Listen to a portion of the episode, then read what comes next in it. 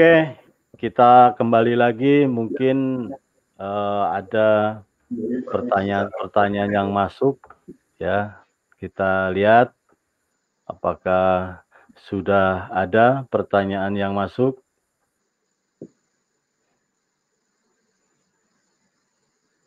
Apa mungkin sampai jam 4 pas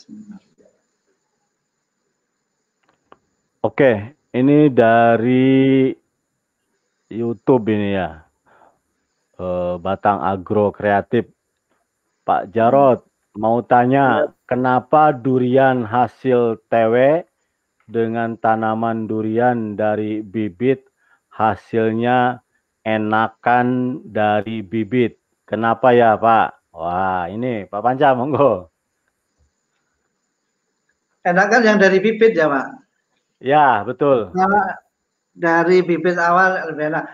Uh, sebenarnya kalau satu banding satu ini masih belum bisa di belum bisa di apa ini belum bisa dijadikan apa ya pedoman untuk ya. mengatakan yang ini enak atau yang okay. ini enggak boleh jadi yang dari bibit karena peliharaannya ya, atau itu mungkin dari beda kebun kali ya secara secara normalnya harusnya tidak tapi kalau itu dari beda kebun atau seperti apa? Uh, itu, itu itu pertanyaannya harus detail itu sebenarnya. Uh, kita aja kalau di penelitian itu Pak untuk mengatakan itu itu beda atau enggak itu harus diulang tiga kali minimal sampelnya sekian dulu. Jadi totalnya itu ada sekitar 15 uh, 15 item untuk bisa dinyatakan dia beda atau enggak beda. Sehingga kalau satu pohon dengan pohon itu untung-untungan sebenarnya. Untung-untungan okay. karena uh, kenyataannya ya, contohnya kalau kita lihat di Malaysia kan banyak pekebun-kebun yang mengganti durian D24 dengan musangking. Ternyata musangking mereka yang hasil TW sama juga dengan yang dari bibit kan. Jadi okay. uh, eh, itu itu itu mungkin uh, beda karena beda beda perlakuan karena beda kebun. Ini mungkin yang tanya anu ya, siapa Pak Om siapa ini Yusron atau Om Gemairan mungkin lah. Tahu kita kalau batang kreatif itu Pak itu ya. Uh, ya. Ya, saya, dari saya batang karena beda kebun itu. Oke, oke. Oke, sudah Harusnya jelas ya. Uh, dari Batang tadi. Uh, kreatif agro kalau nggak salah. Ya, oke, kita mungkin ada pertanyaan lain. Kita lihat antisipasi mucuk pada saat berbuah seperti apa karena kalau buah bareng dengan tumbuh pucuk bakal hambar hmm. rasanya antisipasinya kita uh, berikan KNO3 uh, sebenarnya untuk, untuk mengurangi aja itu. Uh, kurangi bu, pada saat sudah mulai pembuahan itu uh, kurangi asupan N-nya. Maka itu tadi N itu kebanyakan akan memacu kepada daun sehingga dia harus kurangi. Maka memupuk durian itu sebenarnya ada tiga waktu yang penting ketika baru panen itu pupuk lengkap atau sebelum pernah berbuah berarti dia pupuk lengkap sampai begitu dia setelah pupuk lengkap awal menjelang berbunga pupuknya P dan K. Nanti pada saat pembuahan uh, pembuahan buah K-nya yang dibesarkan K, CA dan dan BO-nya. B-nya. Jangan sampai ada pemberian N yang dekat-dekat pada saat pembungaan. Uh, okay. Untuk menguranginya kalau sudah terlanjur biasanya dengan KNO3. Gitu. Okay. Mengurangi okay. mengurangi pengaruh pucuk. Okay. Kalau mutiara ini memproduksi yang terkait dengan boron apa Pak? Atau yang yang CA itu? Dolomit. CA karate plus boroni Pak Panja.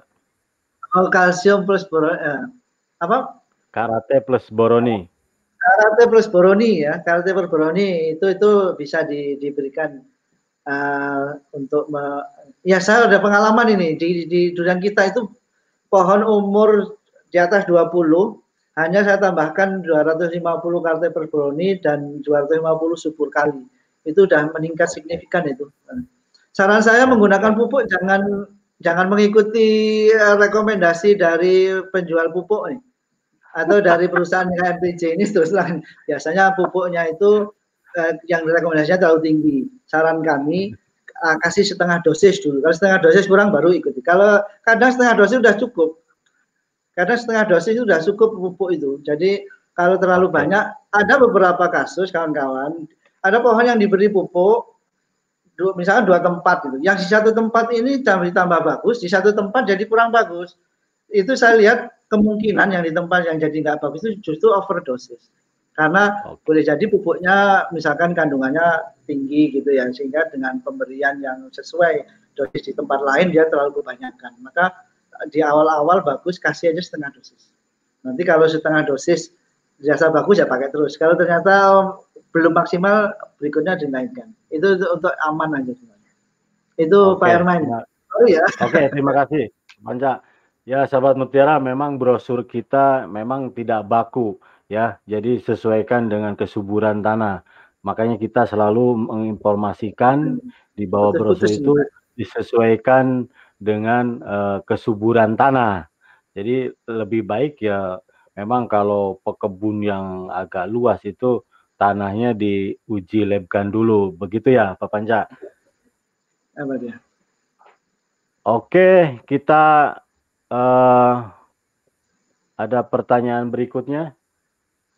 Ada lagi Pak Erman? Oke, kita uh, lihat dulu Pak Panca. Ya. Ini sudah uh, jam 3.51 nih. Mungkin Pak Panca belum nih Pak Herman. Oh. Jadi ternyata sampai jam 5 sampai jam 4 pas nih baru azan. Oke, okay, kita masih masih ada uh, beberapa menit lagi nih, 10 menit lagi. Oke, okay, ini kita dari di antaranya ya. buah mengkal, hambar dan empulur basah kira-kira punya tip untuk masa ini. Ya, ini sama dengan tadi itu Pak siapa ini Pak MH ya. Pak ya. MH. Jadi eh, buah mengkal, hambar, dan empulur basah itu biasanya karena terutama kekurangan CA. CA ini di dalam tanah fungsinya juga membantu penyerapan P dan K.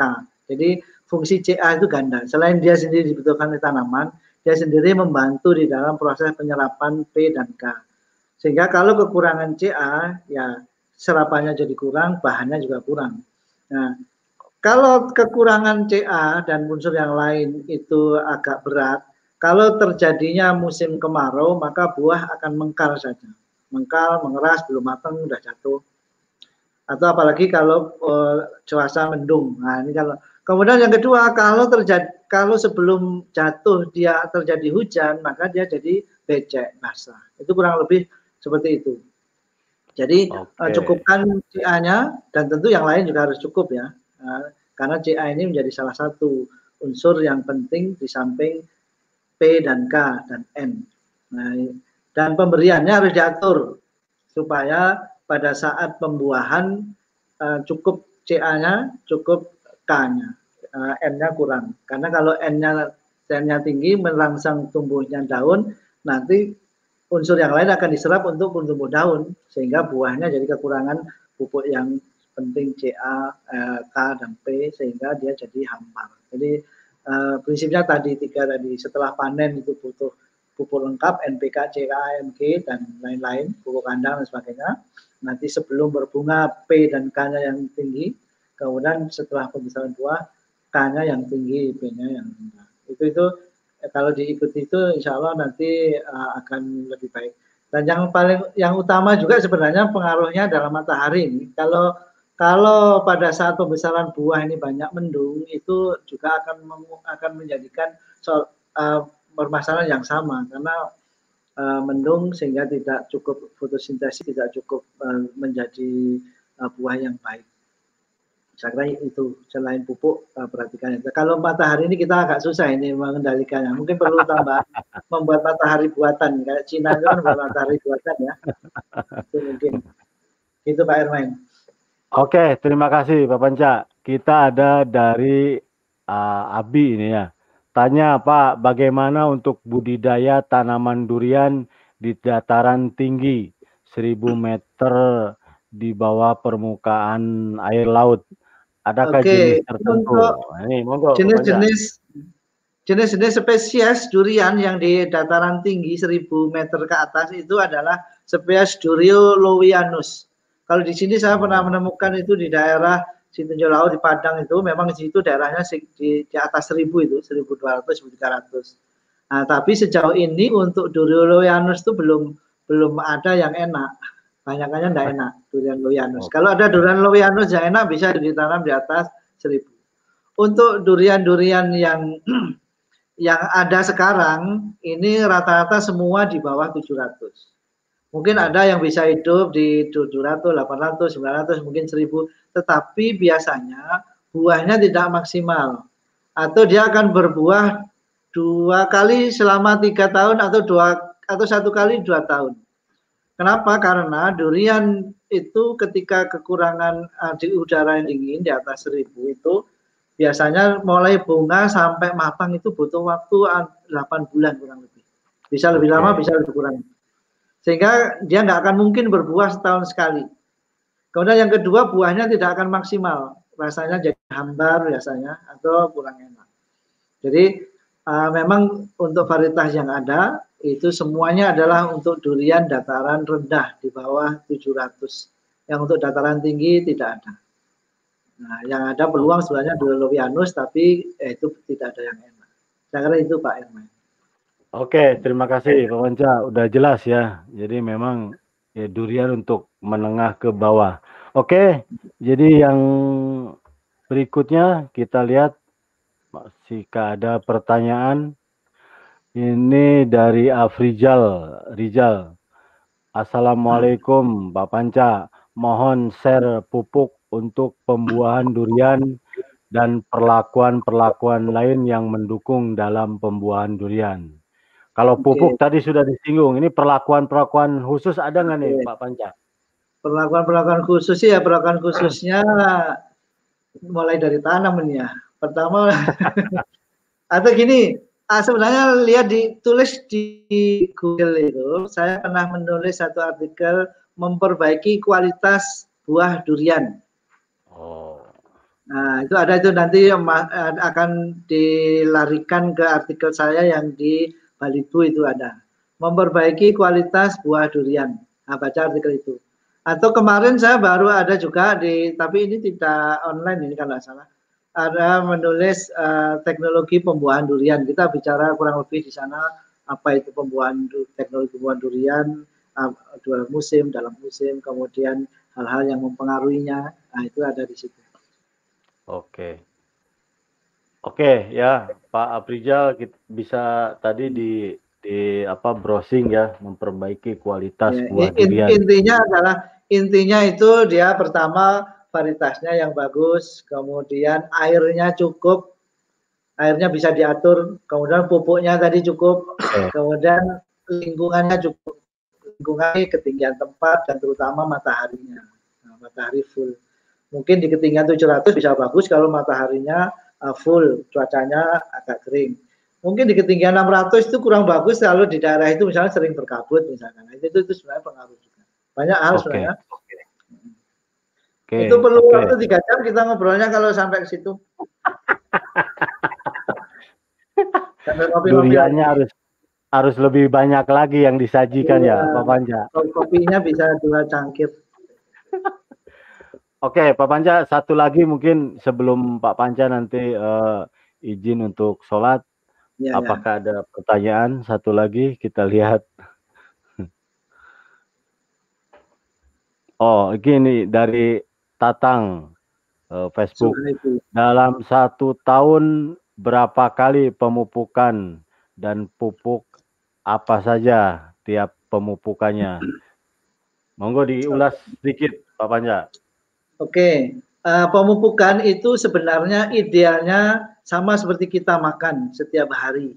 Pupuk yang ideal itu sebenarnya setiap hari karena setiap hari tanaman makan. Setiap hari tanaman menyerap. Hanya tidak mungkin kita memupuk tiap hari dengan, dengan cara manual. Maka pemupukan yang ideal adalah kalau kita menggunakan vertigasi, pupuk yang dengan irigasi. Nah, itu bisa dibuat tiap hari, bisa seminggu sekali atau sebulan sekali. Pemupukan semakin sering semakin baik, tapi dosisnya tetap dosis satu tahun. Kalau dosis satu tahun butuhnya satu kilo, kalau mau memupuk setiap bulan berarti satu kilo bagi 50, 12. Kalau mau pupuk setiap minggu berarti satu kilo dibagi 52. Itu prinsip dasarnya adalah seperti itu. Nah, okay. tadi prinsip memberi pupuk itu yang yang tiga tadi. Nah, pertama, ketika tanaman setelah panen ini recovery, dia butuh semua jenis makanan NPK, CA, MG, jadi pupuk lengkap. Misalkan NPK grower atau NPK biasa berarti tambah dolomit, tambah pupuk kandang. Kalau perlu ditambah lagi PGPR, apa itu yang mol dan sebagainya itu diberikannya di situ semua awal. Begitu tiga bulan kemudian atau empat bulan, eh, saatnya untuk merangsang pembungaan. Maka di situ P-nya tinggi, K-nya sedang, N-nya rendah atau enggak sama sekali. Dilihat kondisi tanaman. Nah, kemudian setelah tanah bunga mekar dan kelopaknya sudah mulai rontok semuanya, tinggal butir-butir sebesar kelereng, ya itu mulai mulai diberikan pupuk untuk pembesaran. Yang dominan adalah K dengan P sedang dengan N tergantung kebutuhan. Kalau tanaman memang kelihatannya membutuhkan kasih N. Kalau enggak, enggak apa-apa, enggak kasih. Nah, karena tanah kita ini sudah cukup bagus. Nah, nanti jadi prinsipnya di sana sebenarnya prinsip untuk recovery setelah panen atau kalau mulai tanam kecil jadi pembentukan batang yang bagus itu pupuk lengkap. Kemudian perangsangan untuk pembuahan itu P tinggi dan K sedang. Kemudian untuk pembentukan buah dan kualitas buah itu K uh, S dan B. Itu itu yang K, C, A, S dan B itu di di pembentukan buah. Jadi itu prinsip tiga itu. Nanti kalau pingin pingin lebih detail sebenarnya yang tadi di di, di artikel tadi ada itu pemupukannya ada uh, okay. dan sebagainya. Itu Pak Herman. Oke. Okay. Terima kasih Pak Panca udah jelas ya uh, yang bertanya tadi Uh, Pak Panca, ini sudah jam 4. Oke, saya mau izin dulu sebentar ya. Mungkin Pak, Oke. Pak nanti akan dulu kalau untuk soal pupuk. Oke, terima kasih Pak Panca. Nanti bisa balik kembali. Kita uh, nanti ada uh, Mas Alan yang yang akan uh, wis. Mas Alan, gimana kabarnya? Oh, gimana Pak Ermen? Kabarnya baik Pak Ermen. Pak Ermen gimana kabarnya? Sehat, alhamdulillah Mas Alan. Alhamdulillah. Di sana di sana musim musim hujan apa musim apa nih Mas Alan? Alhamdulillah di sini musim hujan Pak Ermen. Hampir seminggu itu tiga kali hujan atau empat kali hujan. Oke, Mas Alan. Siap. Sebelum kita jawab pertanyaan-pertanyaan dari sahabat Mutiara, hmm. saya pengen tahu versi Mas Alan ini durian yang di depan ini coba uh, rasanya kayak apa nih? Tadi kan oh. sudah sama Pak Panca, ini Mas Alan nih. Ya. Coba. kalau rasa merasakan siapa Ermen ini. Jadi memang Pak Ermen kalau ditanya durian apa sih yang paling enak? Saya jawab hmm. nih durian yang ada di depan saya ini karena udah real enaknya kan kita coba ya. Ini memang asli Kabupaten 50 Kota Sumatera Barat nih Pak Herman. Uh. Kalau istilah Padang ini memang durian ini bakarwi. Nah, ini berkerut ya. Nah, ini kerutannya bagus. Kita coba rasakan ujungnya dulu Pak Herman ya. Ya ampun lah. Hmm. Mantap manis. Hmm. Banyaknya banyak manisnya daripada pahitnya. Ada pahitnya sedikit. Itu yang bikin kita uh, ketagihan Pak Herman. Kalau manis terus semuanya kurang sip lah. Ada ada pahitnya sedikit-sedikit itu yang enak ini durian. Tapi yang lebih enak yang durian di depan kita ini Pak Herman yang kita cicip.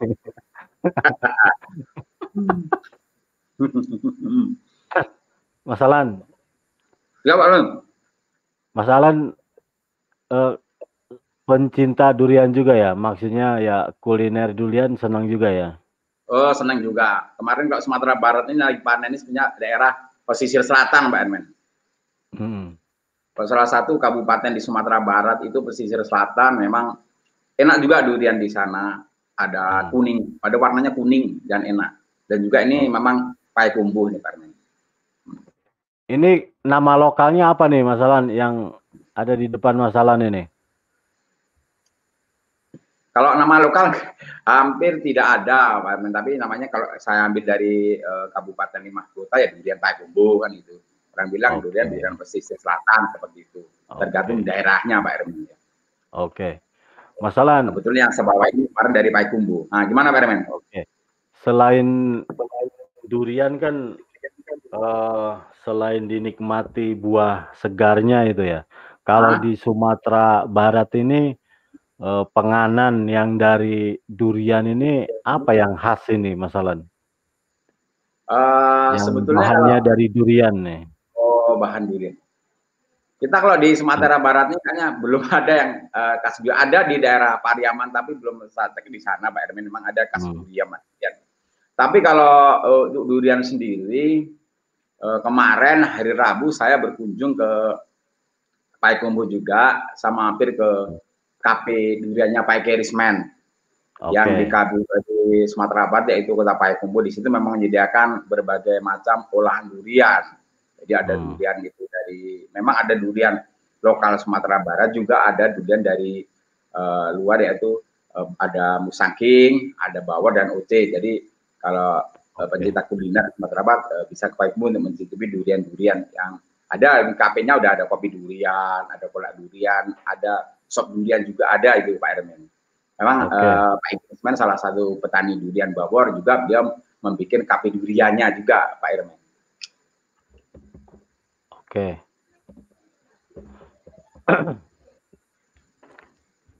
Okay. Ya siap. Satu lagi nih. Ah. Uh, sebelum nanti kita uh, jawab pertanyaan dari citizen nih. Satu lagi nih. Hmm. Bulan berapa kira-kira di Sumbar ini musim durian yang banyak nih? Oh iya benar.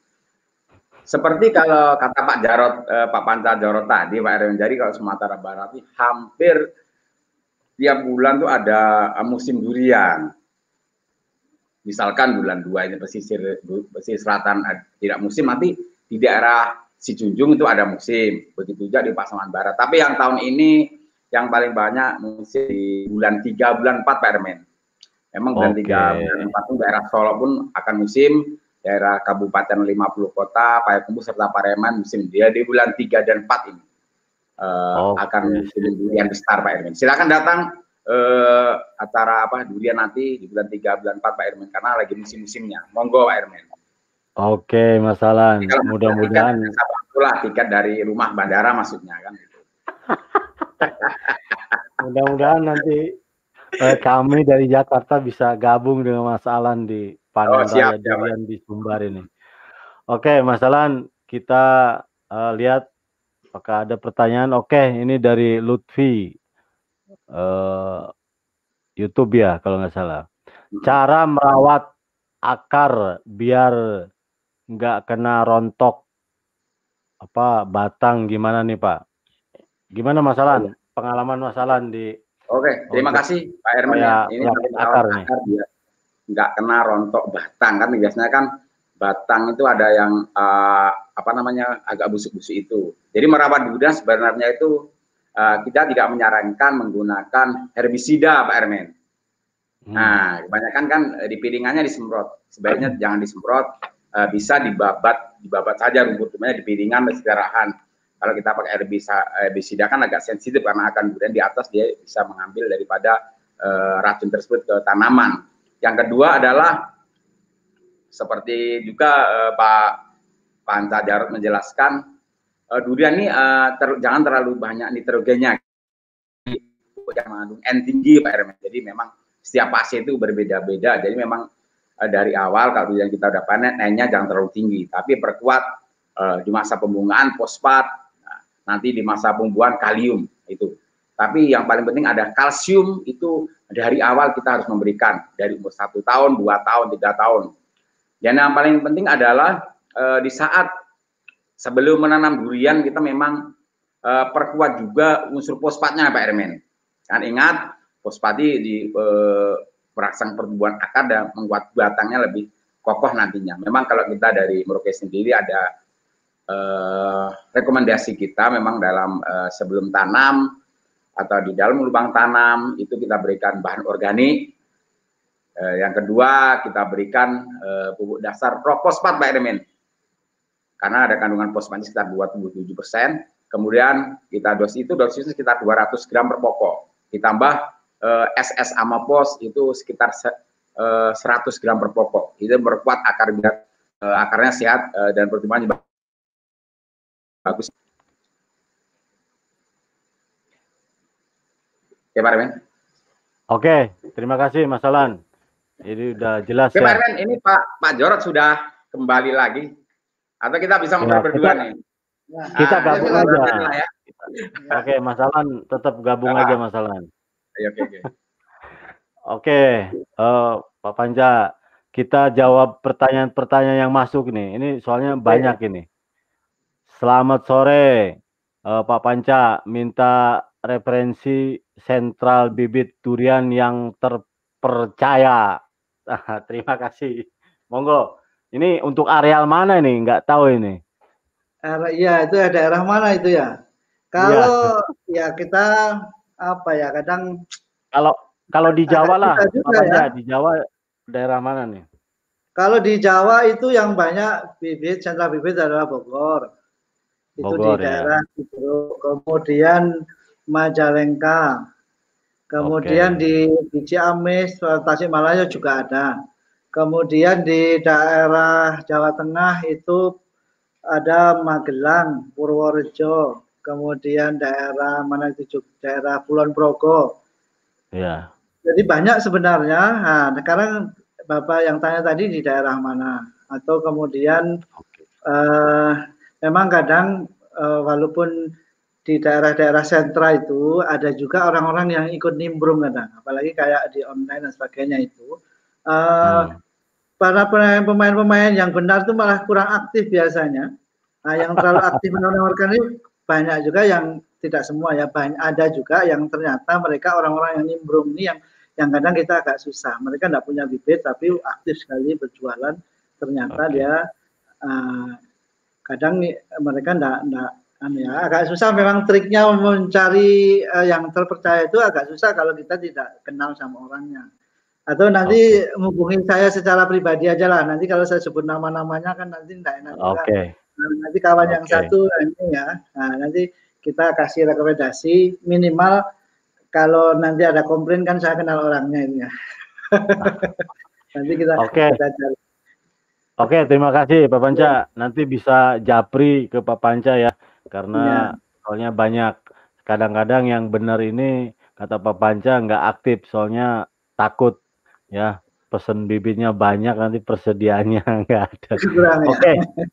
kita pertanyaan berikutnya ini dari uh, ya dari Facebook mau tanya apakah durian otong memang selalu hambar di awal musim pembuahan?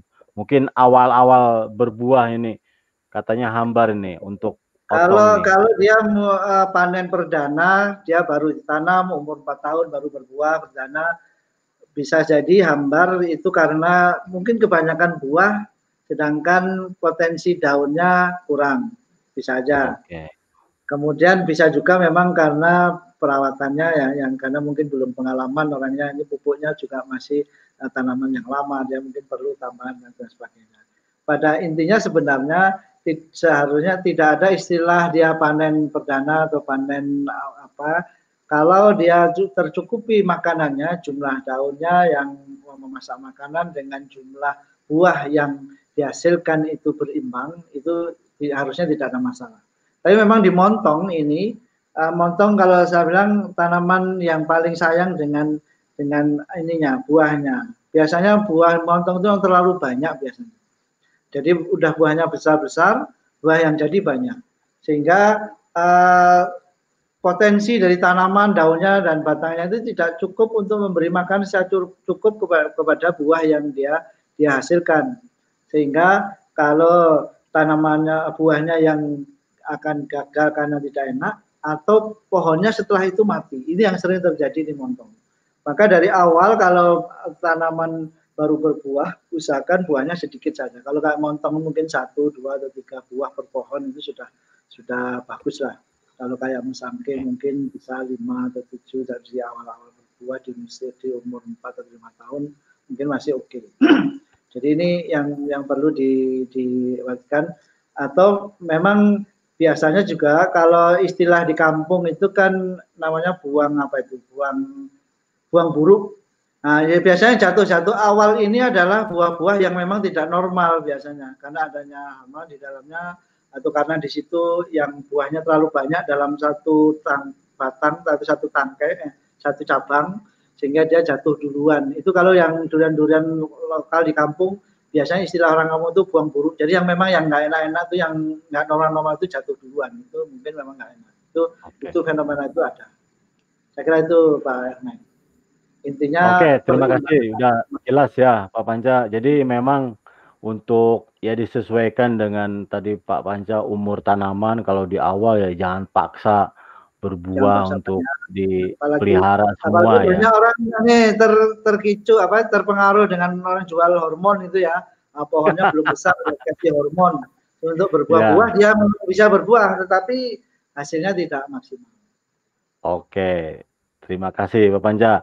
Kita ada dari Facebook M Nasir Rifai, kenapa dengan curah hujan yang tinggi banyak buah durian yang gagal uh, jadi atau enggak jadi. Monggo Pak Panja.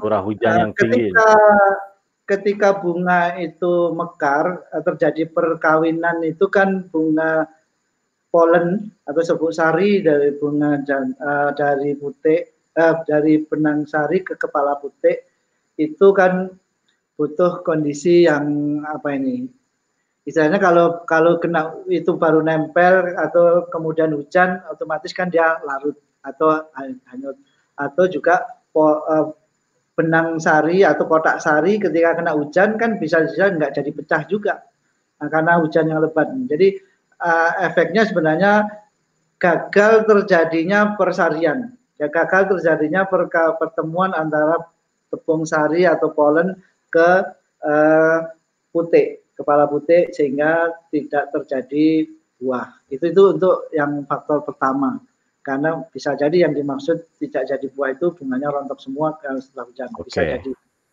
Yang kedua tidak jadi karena hujan tinggi bisa jadi karena misalkan nutrisi atau pupuk yang ada di dalam tanah itu sebenarnya dia kondisinya memang kondisi uh, di batas bawah begitu kena air hujan jadinya terlalu encer sehingga yang diserap oleh tanaman lebih banyak adalah air hujan. Nah, air hujan itu kan banyak mengandung nitrogen sehingga uh, uh, yang yang tumbuh lebih cepat nantinya adalah daunnya.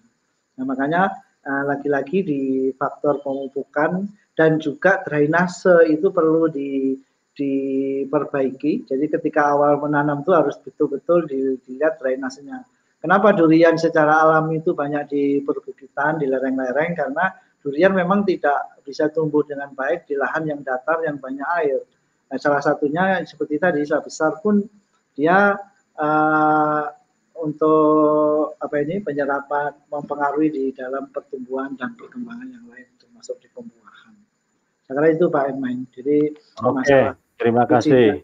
Dan juga encernya okay. pupuk di dalam Oke, terima kasih. Jadi udah jelas ya. Jadi memang durian ini gampang-gampang susah. Oke, mungkin ada pertanyaan lain. Kita lihat Pak Panca. Uh, ini dari Bumi Panen Joan. Selamat ya. sore. Uh, mau tanya Pak Panca, saya tanam durian bawor, MK dan lain-lain di 780 uh, meter di bawah permukaan air laut, tepatnya di Pegunungan Brebes Selatan. Uh, menurut Pak Panja gimana? Apakah masih bisa berbuah dengan baik di 780 m DPL ya, nih, ini, Pak Panja? Ini ini di lokasi-lokasi yang apa ya istilahnya udah batas atas gitu ya. Lokasi-lokasi di batas atas itu akan baik. Pertama kalau di daerah situ cuacanya memang termasuk kering saja. Brebes Brebes itu seperti apa?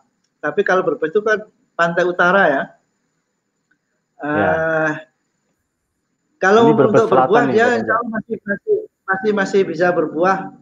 Makanya nanti kalau bisa misalkan buahnya jangan terlalu banyak untuk per pohonnya. Yang pertama, yang kedua tinggikan di pupuk P dan K-nya. Jadi kalau yang standar misalkan baca atau di artikel yang tadi kita bagikan itu itu standarnya segitu mungkin bisa ditambah 10 atau 20 persen untuk P dan K-nya supaya dia uh, lebih terpacu untuk ke uh, pembentukan apa ini untuk ke pembuahannya nanti. Kalau mau tetapi memang tetap kemungkinan tidak akan bisa 100 persen uh, kualitasnya kalau lah yang lain di tempat yang mungkin 200 300 itu dianggap 100% kualitasnya mungkin di ketinggian situ ya bisa lah 80 atau 90 persen kemungkinan. Kalau untuk berharap sampai 100 persen kemungkinan agak berat. Nah, tetapi kalau eh, makanya durian ini bisa juga nilainya sebenarnya bukan hanya di buah nantinya. Kalau memang di lokasi seperti itu untuk agrowisata atau apa, ya enggak masalah. Yang penting dia bisa berbuah untuk daya tarik, misalkan nah, itu uh, oke okay lah enggak masalah. Oke. Okay. Juga di daerah itu. Oke. Okay. Tapi bisa juga ini misalkan dengan sekarang dengan kan nah, kan bisa saja dengan daerah-daerah seperti itu ternyata dengan rezekinya setiap orang kan nggak tahu juga ya kadang boleh jadi karena ada faktor X gitu ya bisa jadi baik tapi secara standar yang ya. kita ketahui untuk bisa dapat 100% dengan ketinggian segitu mungkin kurang tapi ya berharap oh. uh, ada sesuatu yang bisa meningkatkan nilainya lah gitu itu Pak Ermain Oke. Oke, terima kasih Pak Panca karena ketinggian seperti itu udah limit ya. Iya, iya, limit itu limit. Oke, ini dari Facebook uh, ada pertanyaan lagi dari Pak Andi Ahong Facebook. Durian jenis apa Pak Panca yang bagus untuk wilayah Limbangan Garut agar berbuahnya banyak Garut. dan bagus. Nah, ini lagi-lagi nih ketinggiannya berapa ini Garut Iya, kalau ketinggiannya berapa ini? mungkin agak agak menengah ini limbangan ini Pak Panca. Iya, iya. Pada prinsipnya sebenarnya semua durian yang sekarang lagi populer itu semuanya bagus. Pada intinya seperti itu, semua bagus tinggal selera kita di mana. Kalau saran kita sih tanam kalau untuk gaya Indonesia itu mirip gaya-gaya Malaysia lah. Dalam satu kebun mungkin beberapa karena nanti lebih ke untuk keperluan uh, hobi, keperluan orang ingin nyicip ganti-ganti ya kalau satu jenis saja. Hanya kalau daerahnya Garut itu kan orang kesan pertamanya kan jeruk Garut ya. Nah, jeruk itu ini dataran tinggi. Okay. Nah, jadilah di atas 700 ini mending mending tanaman yang lain. Tapi kalau sudah terlanjur tumbuh aja lah barangkali mungkin ada dibantu uh, amalan yang lain ya, supaya ya, ada Tapi kalau jenis ya, kalau saya ditanya jenis, jenis apa yang yang apa yang disukai aja lah tanam. Atau kalau memang di daerah situ ada durian yang disukai ya di ketinggian 700 di ketinggian yang ada di sana, bisa juga itu dijadikan salah satu pilihan dan satu pilihan okay. di samping uh, tanaman varietas yang lain. Semua varietas baik. Kayak ini aja nggak ada namanya ini tadi kita makan juga rasanya enak banget. Namanya Oke, terima kasih Pak Panca. Ya, mudah-mudahan Pak Andi Ahong uh, puas. Oke, kita mungkin ada pertanyaan lain. Oh, ini dari Facebook Ahmad Julkifli. Kohe ini mungkin kotoran hewan ya. Apa ya. yang disarankan untuk fase generatif Pak? Sapi, ayam atau kambing. Nah, ini eh, bahan organik atau kotoran hewan ini rekomendasi Pak Panca apa nih Pak? Yang aman lah. Kalau untuk kohe bahan organik dan sebagainya itu sebenarnya lebih diutamakan untuk recovery. Jadi setelah panen bukan untuk generatif. Jadi okay. setelah karena karena kandungan kandungan kohe ini sebenarnya kan lebih banyak untuk apa ini? Dia kandungannya kan paling satu persen. Dan lebih tinggi N-nya kan apalagi ayam okay. itu tinggi Nah, yang lain-lain juga itu. Sehingga dia fungsi kohe lebih utama adalah untuk perbaikan uh, biologi dan sifat biologi dan sifat tekstur tanah, sifat biologi kimia tanah itu bagus okay. dengan pemberian kohe sehingga dia diberikannya adalah setelah panen. Dengan setelah panen diberikan kohe itu memperbaiki tanah, menambah unsur-unsur. Kalau kita eh, ibu-ibu uh, kita misalkan wanita yang baru melahirkan istilahnya adalah jamu kan. Jamu itu kan campuran berbagai rimpang, campur macam-macam yang daun, yang apa, yang apa, itu mengandung semua unsur hara yang dibutuhkan oleh tubuh. Nah ini juga juga kohe itu kan mengandung semua unsur hara dalam jumlah yang sangat kecil yang dibutuhkan oleh tanaman. Maka itu untuk recovery tanaman setelah panen. Nah kalau sudah mendekati generatif dan masa generatif itu memang harus khususlah pupuknya yang yang tadi itu tinggi K, kemudian K tinggi CA, NG dan itu. Jadi kohe sebaiknya diberikan di saat uh, recovery tanaman setelah panen atau pada saat pertumbuhan awal umur 1, 2, 3 tahun. Nah, dan setiap awal tahun setelah panen Itu Pak Ermain. Oke, terima kasih Pak Panca. Ya, uh, kita ada pertanyaan lain. Kita lihat Pak Panca. Oh, ini dari Facebook Safardianto. Dalam setahun bagusnya berapa kali pemupukan nih? Putus-putus Pak Ermain. Oh, dan berapa uh, kali pupuk di pupuknya? Ya. Um, tadi sudah itu ya sama dengan tadi ya. Ya. Uh, minimal tiga kali lah ini ya. Kalau okay. Jawa minimal tiga kali. Sempat hmm. kalau setiap bulan diberi juga bagus. Nah, minimal tiga kali itu adalah setelah panen, menjelang berbunga, dan pada saat pengisian buah. Itu minimal sekali. Nah, kalau kalau yang lebih bagus lagi, kalau bisa ditingkatkan mungkin setiap bulan sekali atau dua bulan sekali. Jangan mengacu kepada patokan tadi. Pada saat setelah panen sampai 2-3 bulan itu adalah saatnya recovery tanaman sehingga dia butuh seluruh unsur hara, pupuk kandang, dolomit dan lain-lain. Nah, kemudian 3-4 bulan 3-4 bulan berikutnya fase pembungaan, 4 bulan berikutnya fase pembesaran buah. Itu itu yang menjadi menjadi patokan. Oke. Terima kasih Pak Onca.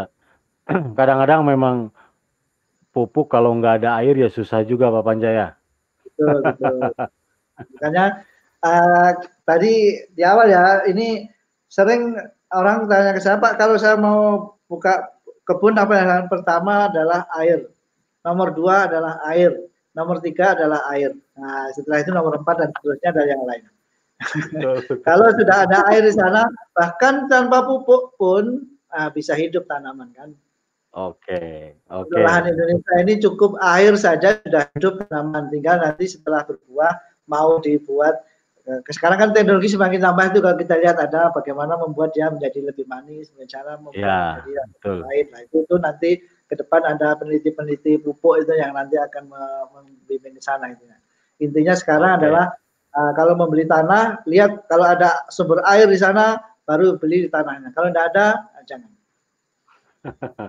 akan kerepotan Pak Panja. Oke, Pak Panja ini dari uh, Yahya Jasman Facebook. Durian saya sudah masuk uh, ke mus musim keempat berbuah. Yang tapi rasanya masih hambar. Pelakuan apa Pak yang harus saya lakukan biar rasanya uh, enak?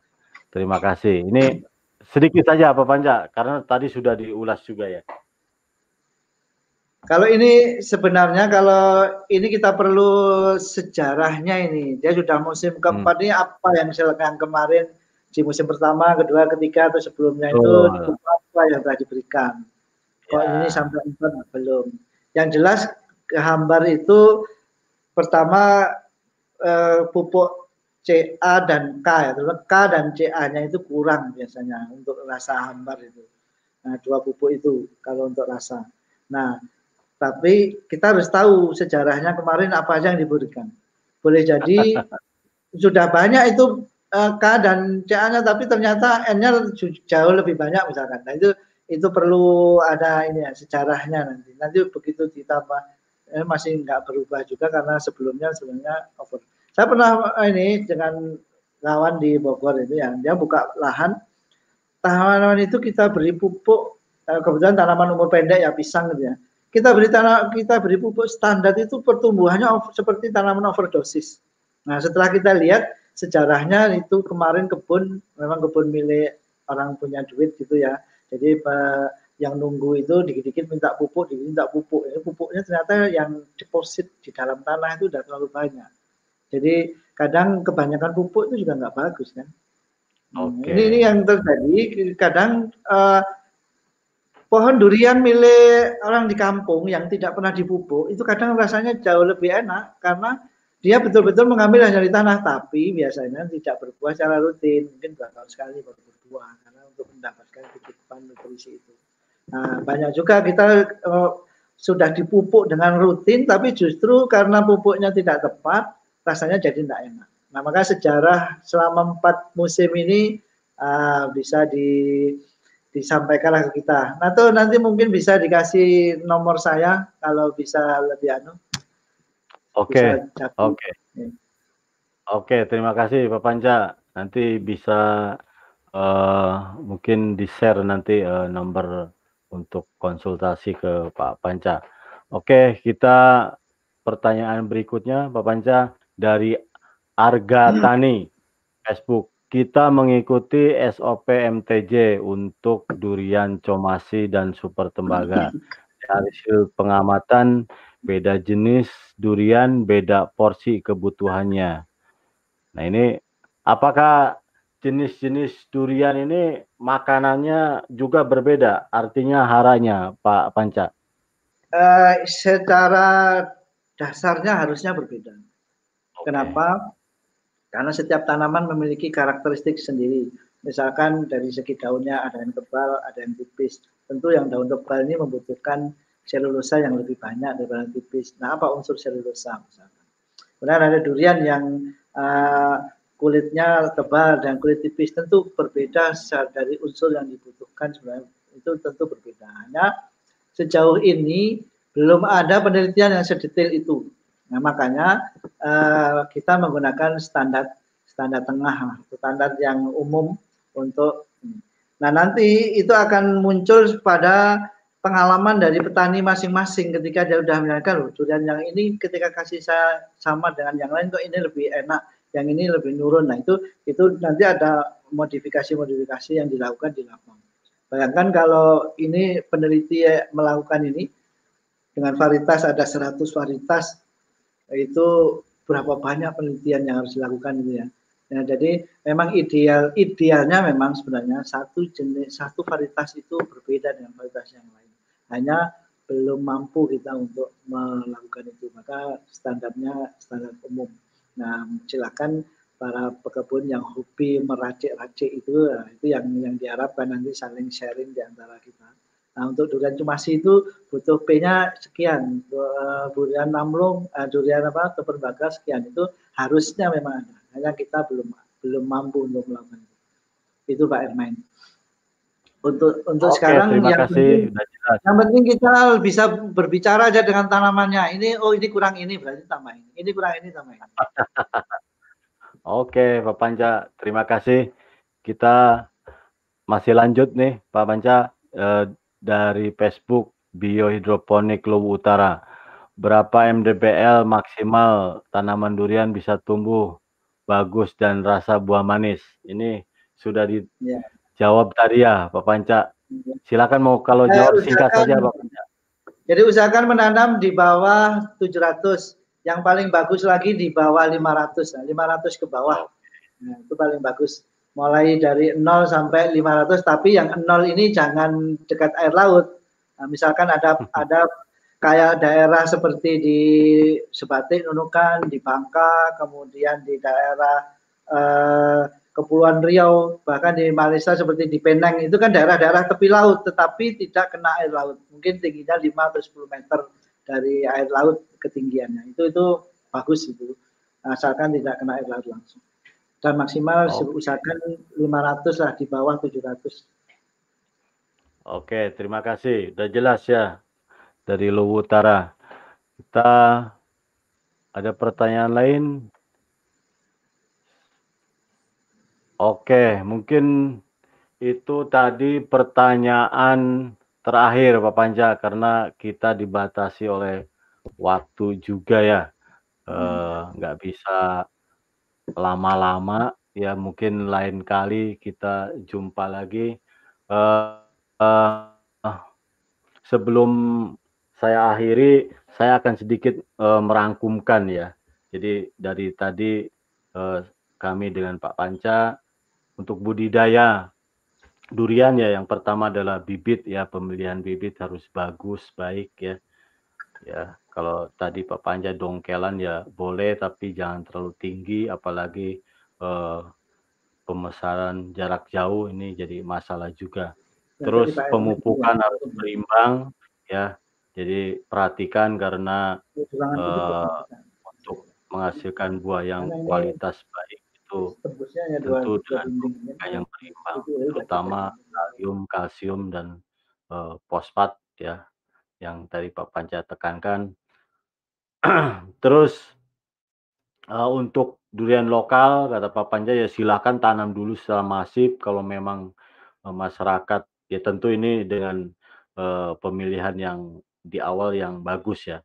Jadi rasanya enak terus di ditanam dengan masif masyarakat eh, senang nah itu baru berbicara tentang sertifikasi. Jadi jangan jangan eh, jangan kaku ya.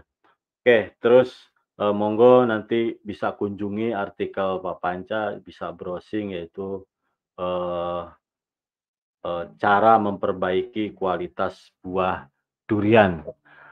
Pak Panca, eh, Mas Alan, terima kasih Pak Panca telah gabung dengan kami.